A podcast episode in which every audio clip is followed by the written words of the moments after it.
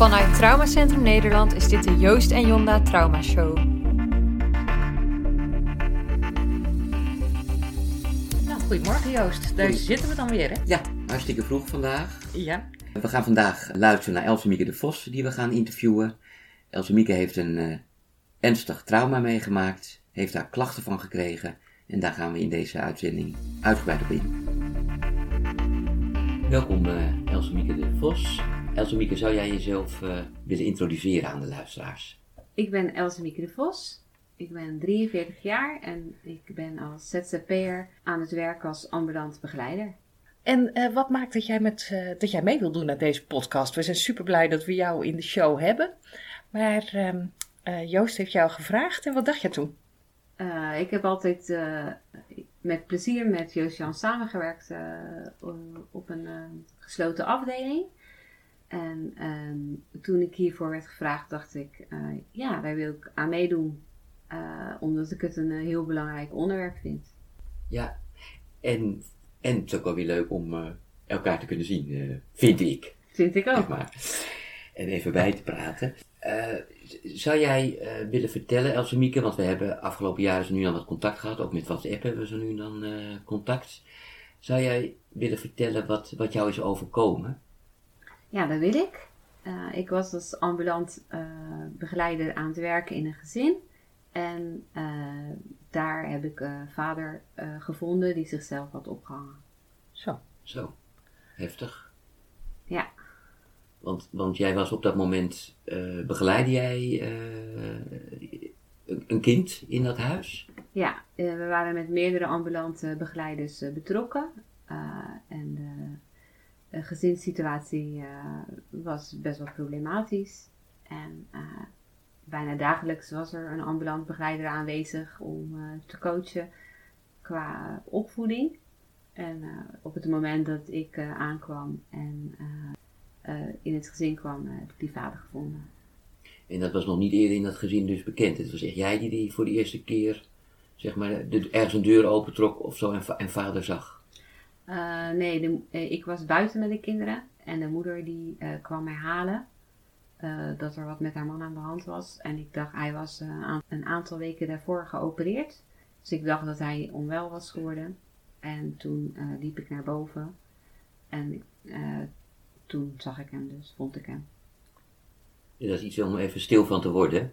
Want dat, ja, dat bedenk je in je stoutste dromen niet, hè, denk ik, dat je dat gebeurt. Zeker niet bij ambulante begeleiding. Nee, precies. Nee. Ik had wel ook eerder al op de gesloten afdeling meegemaakt dat uh, uh, mensen zich uh, nou ja, een suïcide hadden gedaan die ook was gelukt. Nou, na vijf jaar had ik zoiets van, poeh, dit is wel genoeg geweest. En daarom had ik ook wel bewust gekozen voor ambulant werk.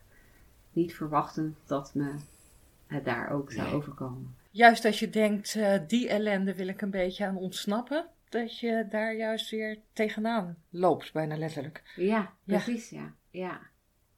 hey, en toen? Hoe ging het toen met jou? Wat, wat, wat, wat gebeurde er? Wat gebeurde er met jou, zeg maar? Op dat moment uh, ja, ging alles eigenlijk uit, tenminste. Ik merkte gewoon dat ik als het ware lichamelijk uh, niks meer voelde. En uh, gelijk ging zorgen voor de kinderen. Dus ik, ik, ja, ik heb alles uitgezet wat je uit kan zetten. En dacht, oké, okay, wat is nodig voor de kinderen? En ik heb uh, de moeder van de kinderen instructies gegeven wat zij moest doen. En ik ben zelf met de kinderen in de uh, kamer uh, een film gaan kijken totdat alles geregeld was.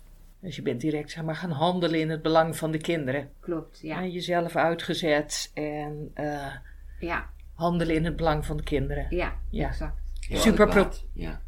Super professioneel, hè? Ja. ja. ja. En um, toen, hoe ging het toen verder met jou? Die avond ben ik natuurlijk nog een hele tijd aan het werk geweest. Uh, ik had wel uh, mijn vriendin uh, geappt dat ik later zou komen. zij was opgebleven, zodat ik het verhaal gelijk kon doen. Dat heb ik gedaan, maar ik merkte heel erg dat ik... Het leek net alsof ik een verhaal aan het vertellen was over een ander. Ik, ja, ik kon ook natuurlijk niet goed slapen. Uh, ik heb tegen mezelf gezegd, nou, dat is logisch, dat hoort erbij. Daar moet je ook de tijd voor nemen. Uh, dat zal, als het goed is, over zes weken wel zo'n beetje gezakt zijn. Eh, ik merkte de dagen daarna wel dat ik echt heel erg veel last had van ehm, bijvoorbeeld als ik een politie of een ambulance hoorde, want die waren naar dat gezin gekomen. Dus als ik dat geluid hoorde, dan eh, ging mijn hartslag omhoog en eh, merkte ik dat ik ging trillen, warm kreeg, benauwd. En ik was eigenlijk steeds bang om iemand te vinden. Ja. Dus bijvoorbeeld, we wonen in een appartement. eh, en ik zag mijn vriendin niet gelijk. En dan was ik bang als ik een kamer opendeed dat ik haar zou vinden. Ja. Bij een viaduct was ik bang dat iemand zou springen. Heel veel in paniek Ja. eigenlijk. Ja, Ja. En had je het gevoel ook nog steeds dat je uitgeschakeld was? Hè? Want je zei van, ik schakelde alles uit en ging voor die kinderen zorgen. Bleef dat zo? Ja gek genoeg wel. Omdat de dagen daarna had ik natuurlijk ook veel eh, gesprekken. Ook met eh, andere hulpverleners. En eh, met Centrum Jeugd en Gezin. En als ik dan ook dat verhaal vertelde, dan... Ja, ik wou bijna nu zeggen, deed het me niks. Maar zo, ja, zo voelde het wel. Alsof ik praatte over iemand anders. Ja, de emotie zeg maar uitgeschakeld. Ja. Ja. En de fysieke beleving bij de emotie ook uitgeschakeld. Terwijl op andere momenten je zegt van ja, dan voelde ik juist die angst en die paniek heel erg duidelijk. Precies, Ja. ja. Met ook bepaalde triggers, hè? Ja, ja. dus ambulance, Ja. politie. Je vriendin die niet op tijd Ja. thuis is, Ja. dat soort dingen. Ja. Ja. En je sliep beroerd. ja, ik kon wel in slaap vallen, maar dan eh, meestal zo. eh, ga best vroeg naar bed, dus, maar dan sliep ik meestal twee, drie uurtjes. En dan werd ik wakker en dan kon ik niet meer in slaap vallen. Want wat gebeurde er dan? Ja, dat, dat is heel raar, want mensen hebben me in die periode ook heel vaak gevraagd: was je dan aan het piekeren? Dat was niet het geval. Eh, ik moest natuurlijk wel aan de situatie soms terugdenken, maar dan leidde ik mezelf af met andere gedachten. Maar ik kon gewoon niet meer slapen. Nee. Gewoon niet. Nee, het systeem zei dit gaan we niet meer doen. Nee. Je bent gewoon wakker. Ja, Vreselijk, hè? ja, Dat je ook gewoon midden in de nacht ja. naar het plafond aan het Dat ja. staren bent. En dan duurt het heel lang totdat het morgen is. Ja. Ja, we liggen allemaal wel eens wakker en dan weet je hoe Ja. lang zo'n nacht kan duren. Dat is echt Ja. afschuwelijk. En dat je Ja. dat dan achter elkaar hebt, dat is Ja. heel naar natuurlijk. Ja. En, en, en eh, ging je daarvoor naar de huisarts of iets of zo? Of dacht je van ik neem een slaappilletje? Of... Ja, ik, nou geen slaappilletje, want die had ik niet in huis. Ik heb wel eh, allerlei eh, natuurlijke producten geprobeerd, maar eh, dat eh, werkte niet. Nee. Hey, en je had jezelf zes weken gegeven, hoorde ik je net zeggen. Hè? Dit duurt ongeveer zes weken en dan is het wel weer goed. En eh, hoe was dat na die zes weken? Nou, nog even beroerd. Dus toen dacht ik, ja, ik moet hier wel echt iets mee. Want eh, ja, dit gaat denk ik niet zomaar over. Ja, wat zal ik doen? Eh, toen had iemand het over schrijftherapie gehad. Toen dacht ik, hé, hey, dat is een mooie manier. Mhm. Kan ik gewoon thuis doen. Ik hoef niet eh, tegenover iemand te zitten eh, op mijn tijd. En dan, eh, Ik kan me nog heel goed herinneren, namelijk, want we hadden toen ook een soort appwisseling. Ja. En eh, dat ik zoiets had van, god, ze moet echt iets gaan doen, psychologische behandeling. En dat jij zoiets had, ja Joost, ik ga eerst maar schrijftherapie doen, zal heus wel goed komen. ja. En hoe is dat gegaan, die eh, schrijftherapie? Nou, ik vond dat best wel pittig, omdat je moest echt de hele situatie gaan beschrijven. En ik moest ook een klokje zetten en dan moest ik eh, een half uur lang met het onderwerp bezig zijn. Terwijl die zes weken daarvoor was ik constant, eh, als ik maar even aan die situatie dacht, ging ik mezelf afleiden. Dus ik was heel vaak aan het hardlopen, ik was veel aan het wandelen, ik was aan het fietsen. Allerlei andere dingen aan doen om maar niet na hoeven te denken. Veel vermijding, zeg maar. Ja, Ja. ja. En Heel- nu werd je juist gedwongen in die schrijftherapie om wat je daarvoor aan het vermijden was, om daar naartoe te gaan. klopt. Dus dat was wel echt pittig. Ja, Eh, omdat ik dan op dat moment ook heel ja, het benauwd kreeg, heel misselijk werd. als je achter de computer zat. Ja, en daarover moest schrijven. Echt, echt wel, echt tot kotsneigingen. Maar ehm, de opdracht was wel om dat gewoon een half uur lang te doen. En geen afleiding, ook niet opstaan voor iets, ermee bezig blijven. En daar moest ik dan schrijven over de situatie die ik had meegemaakt. En dat werd nagekeken door een psycholoog. En zij eh, gaf mij dan een volgende opdracht. Oké. Volgende schrijfopdracht. En?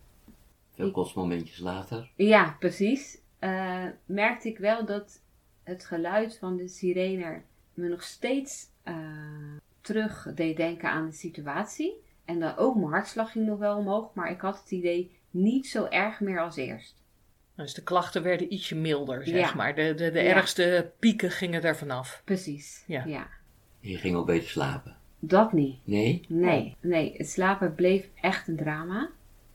En ik had nog wel dat ik eh, echt bang was om mensen te vinden. Dat bleef wel ook. Want ik, eh, in het ambulante werk had ik wel ook nog steeds te maken met mensen die eh suicidale gedachten hadden. Niet echt plannen, maar wel soms gedachten. En als ik dan voor een deur stond die niet werd opengedaan, Oh ja. dan eh, vloog het me wel aan. Ja. Ja, wat deed je dan? Als het, je- want raakte je in paniek eigenlijk, hè? Ja, ja mezelf een beetje geruststellen. Ja. Dus eh zeggen, nou, hoeft niet gelijk iets ernstigs te zijn. Nee, precies. App maar gewoon of probeer telefonisch even te bellen. En dan bleek bijvoorbeeld dat de bel kapot was. Ja. Ja. Dus dan, dan viel het uiteindelijk mee, maar ondertussen had jouw hele lijf alweer in alarmstand gestaan, zeg maar. Absoluut, ja. ja. En, Ja. en hoe lang ben je daarmee doorgegaan? Op halve kracht, zullen we maar zeggen, hè? Ja. Zo klinkt het. Kijk, het was in juni gebeurd. Uiteindelijk ehm, ben ik denk in januari naar de huisarts geweest. Een gesprek gehad met een POH. Een half jaar later. Ja, Oeh, dat is lang doorbikkelen. ja, Want jij noemt het net op halve kracht, terwijl ik juist denk op dubbele kracht. Ja. ja. Hoeveel kracht moet het wel Ja, niet vergen dat- om eh, dan ja. toch zo door te gaan? Ja. ja, Een half jaar. Ja. ja. En uitgeput, denk ik, hè? Of voelde je dat niet zo? op die Nee, manier? ik denk dat ik nog steeds dingen had uitgeschakeld. Denk Ja? ik wel eens nu achteraf. Ja? Ik ging gewoon door zonder na te denken eigenlijk. Ja. En te voelen, wat Ja. dat betreft. En dan, dan, dan kan je ook over uitputting heen stappen. Nou ja, ja. Wat er gebeurt is dat je dus... eh, het slapen werd ook niet beter. Maar ik denk ook omdat ik uiteindelijk maar over mijn grens bleef gaan. En toen stapte je een half jaar later naar de huisarts. Ja, en toen eh, heb ik uitgelegd wat ik had gedaan, maar waar ik nog steeds last van had. En toen zei ze, nou, je hebt wel iets meer nodig dan schrijftherapie. Hoe kijk je aan tegen EMDR? En toen eh, dacht ik, ja, nou is dat wel nodig? Want zo nodig, ik dacht, ja, moet toch ook wel eh, iets makkelijker kunnen? Eh heb ik over nagedacht en uiteindelijk besloten om me aan te melden. Wat maakte dat jij zo vond dat het. Het klinkt alsof jij heel erg vond, ik moet het een soort van zelf doen. eh, zo erg is het toch niet. eh pool EMDR, dat is wel veel. Ja. Wat, wat, wat was dat bij jou? Want als ik dat verhaal hoor, dan denk ik, wow. Ja, ik denk eh, dat het voor mij te maken heeft ook met dat, dat ik denk, ja, er zijn mensen die echt hele ernstige dingen meemaken. Ja, is schrijftherapie dan niet voldoende? Je weet toch dat, dat je als je in de zorg werkt, dat je dit tegen kan komen. Al Ja. dat soort gedachten. Eigenlijk heel bagatelliserend, hè, richting jezelf. Ja, ja. En uiteindelijk heb je nagedacht hè, of je EMDR wel wilde, hè? Ja, ja. En wat heb je, heb Ja, je en daar lang over nagedacht? Nee, nou, ik heb lang gewacht om naar een huisarts te gaan. En het is ook wel dat mijn vriendin zei, nou, eh, hoe, lang ga je hiervoor nemen? En maak dan, en als, er dan, als je dan nog steeds de klachten hebt die je nu hebt, dan eh, is het wel de bedoeling dat je hulp gaat zoeken. En dus dat heeft lang geduurd. En bij de huisarts na dat gesprek dacht ik, ja, ik moet wel wat. Want als ik nu nog steeds niet goed slaap, dan, eh, dat gaat niet goed. En toen heb ik wel eh, gekeken naar een psycholoog en heb ik een afspraak gemaakt. En dan had ik in maart een afspraak. Toen was je dus bijna negen maanden verder. Ja, De leidersweg, hè? Of kijk je daar niet op die manier tegenaan? ja dat vind ik echt zo'n groot woord. Ja? Ja. Ja. Maar dan bagatelliseer ik het waarschijnlijk Ja. nog een beetje. Omdat ik denk, ja, Ja. er zijn echt mensen die veel ernstige dingen Ja. meemaken. Dus Ja. lijdensweg klinkt echt als lijden. Ja. Nou ja, ik mag het vinden. Klopt, klopt, ja. ja, ja, zeker. Eh, En toen klopte je, in maart klopte je bij de psycholoog aan. Ja, kreeg ik een intakegesprek. Heeft ze uitgelegd wat EMDR eh, inhoudt. Zij werkte met, werkte met piepjes. Dus kreeg ik een koptelefoon op met piepjes. Heeft ze eerst uitgelegd. na de intake, de week daarna, had ik de eerste EMDR-sessie. En dacht je niet, wat een gekkigheid is dit? Nou, ik vond, vond het vooral lastig om. ehm, wat ze zei, is je moet doen alsof je naar eh, een tv-scherm kijkt, naar de situatie eh, waar jij bent. Ja, jezelf zien in het beeld, zeg Ja. maar. Jezelf zien in het plaatje van de nare gebeurtenis. Precies. Ja. En de eerste keer lukte dat niet goed, omdat ik steeds in de situatie was. Oké. Dus ik was niet in, Ja. ik keek niet naar het tv-scherm, nee, ik was daar. Ja. Moeilijk om je om een beetje op afstand Ja. te plaatsen. Ja. Dat is iets wat we heel vaak horen van mensen die eh EMDR gaan doen. Dat het heel lastig is om niet in het plaatje gezogen te worden. Hè? Ja. Maar om een stapje terug te doen en jezelf van afstand in dat beeld te zien. Dat is, dat is ook echt wel even ingewikkeld. Hè? Ja. Ja. ja. Dus de eerste keer lukte dat niet heel goed. Daar, dus daar was ik een beetje, kreeg ik een soort van stress van. En toen zei ze, het geeft niet. Ik ga jou elke keer de opdracht geven om dat wel te doen. Het geeft niet als je dan uiteindelijk weer erin gezogen wordt. Maar dan zeg ik gewoon weer dat je weer moet gaan kijken naar jezelf. Ik help je wel. Ja, precies. Eh, en de tweede keer lukte dat heel goed. En eh, ja, toen was het ook. eh, toen sliep ik weer. Dus Ja. na twee behandelingen sliep ik weer een hele nacht door. Wat heerlijk. Hè? Ja, Ja. ja, Ja. Ik zie je juichend aan je bed, zou ik Ja. zeggen. Hè? ja. Ja. Is een hele rare gewaarwording om na negen maanden weer Ja. aan één stuk door te kunnen slapen. Ja, Jubelend lijf. ja, ja, Waarschijnlijk. nee, ja, Ja, nee. Denk ik ook, Nee, hè? ik, ja, ik had, nee, ik was echt hyper. Oh ja? Ja, wat jij zegt, een jubelend. Ik, ik dacht, huh, wat een energie heb ik. En niet meer knikkenbollend in de auto zitten. Ja, wat een verschil maakt Ja. dat dan, hè? Ja. en je dat ook realiseren. Ineens, dat je denkt, ik heb negen maanden gewoon zo auto gereden. Dat werd, was ook gewoon geworden. Ja? Ja, Oh, Ja. wat, wat, wat. Kennelijk wen je ook heel erg aan je klachten en dan zie je dat als normaal, hè? klopt. Wat het ook nog moeilijker maakt om in behandeling te komen dan, denk ik. Ja. Ja. Want het gaat zo ook wel, Ja. denk je dan. Ja, dit hoort Ik bij doe het mijn leven. dingen. Ja. Maar ja, dat was wel fantastisch. En ben je toen nog met haar verder gegaan of zei je, doei doei, klaar? Doei. ja, Ja. hij heeft gewerkt, ja. Ja. Na, na twee keer of, of Nee, na twee keer. Een intakegesprek. Twee EMDR-behandelingen. Ik sliep weer. Ik dacht, nou, het is prima. Dus eh, Mooi is dat, hè? Zo kan het, eh, zo kan het soms gaan, hè? ja. hey, en, en, en toen was toen alles eh, normaal? Ja, tenminste. Kijk, wat, er, wat, wat ik nu nog heb is dat als ik nu een ambulance hoor of een politieauto, dan denk ik wel vaak terug aan de situatie. Maar ja, dat kun je vergelijken als een kras op een plaat. Maar hij blijft niet hangen, de naald. Je denkt er even aan terug. Ja, Je raakt niet echt in paniek. nee. Nee. En als er echt een politieauto er langs moet, dan eh, is het wel een naarder gevoel. Maar het, ik raak niet in paniek. Dat is Nee. het grote verschil. En Ja. mijn hartslag gaat niet omhoog. Nee. Maar het is natuurlijk ook zo dat eh, hè, je kan traumabehandeling doen wat je wil. De nare gebeurtenis gaat natuurlijk nooit weg. Hè? De lading gaat er vanaf. Maar het blijft natuurlijk iets wat je hebt meegemaakt. En waar je een bepaalde emotie of gedachte over hebt. Hè? Klopt. Ja, precies. En Het is iets wat, wat bij jouw leven hoort, kan Ja. ik me voorstellen. Ja. Nou, nou ken ik jou als een gelovig mens, religieus. Ja. Eh, heeft dat op een of andere manier een rol gespeeld ook nog in, in, in wat je hebt meegemaakt en hoe je daar tegenaan keek of kijkt? Eh, ik denk wel als het gaat over het gevoel schuld. Eh, ik heb wel ook geworsteld met de vraag: heb ik deze man eh, wel op God gewezen? Heb ik hem iets meegegeven van het hiernamaals? Waar is hij nu? Veel mensen zeggen dan ja, hij heeft rust. Dan komt bij mij de vraag: oh, heeft hij echt rust? Dus dat heeft zeker meegespeeld, ja. In je eigen schuldgevoel. Ja, Ik heb het wel gedaan wat ik kon. ja. Ja, om hem eh, ja. te behouden. En dan niet zozeer in leven te houden, maar voor het hiernamaals. ja. Er zijn ook wel theorieën hè, die, die ook zeggen van nou ja, dat er ook weer groei kan ontstaan in jezelf, maar ook in relaties als je iets heel naars hebt meegemaakt. Ja, klopt. En dat hebt overwonnen. Ja, Posttraumatische groei hebben ze het dan over, hè? groei, ja. Ja. Hey, we hebben ons vaste rubriekje. Ja, die moeten, daar moeten we ons wel aan houden. En Daar moeten we Dat ons is lastig absoluut voor ons, aan. Ja, ik. ja, ja, ja. Structuur. Oh my Structuur. god, structuur. Maar structuur. We hebben namelijk de vaste rubriek en dat is tada, tada, tada, de gouden vraag. Oh. Wij hebben gevraagd aan eh, mensen die eh, de show volgen.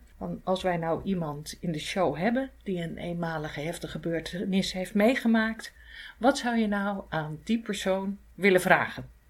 We hebben een paar uiteraard gekregen, maar een paar uitgezocht ook.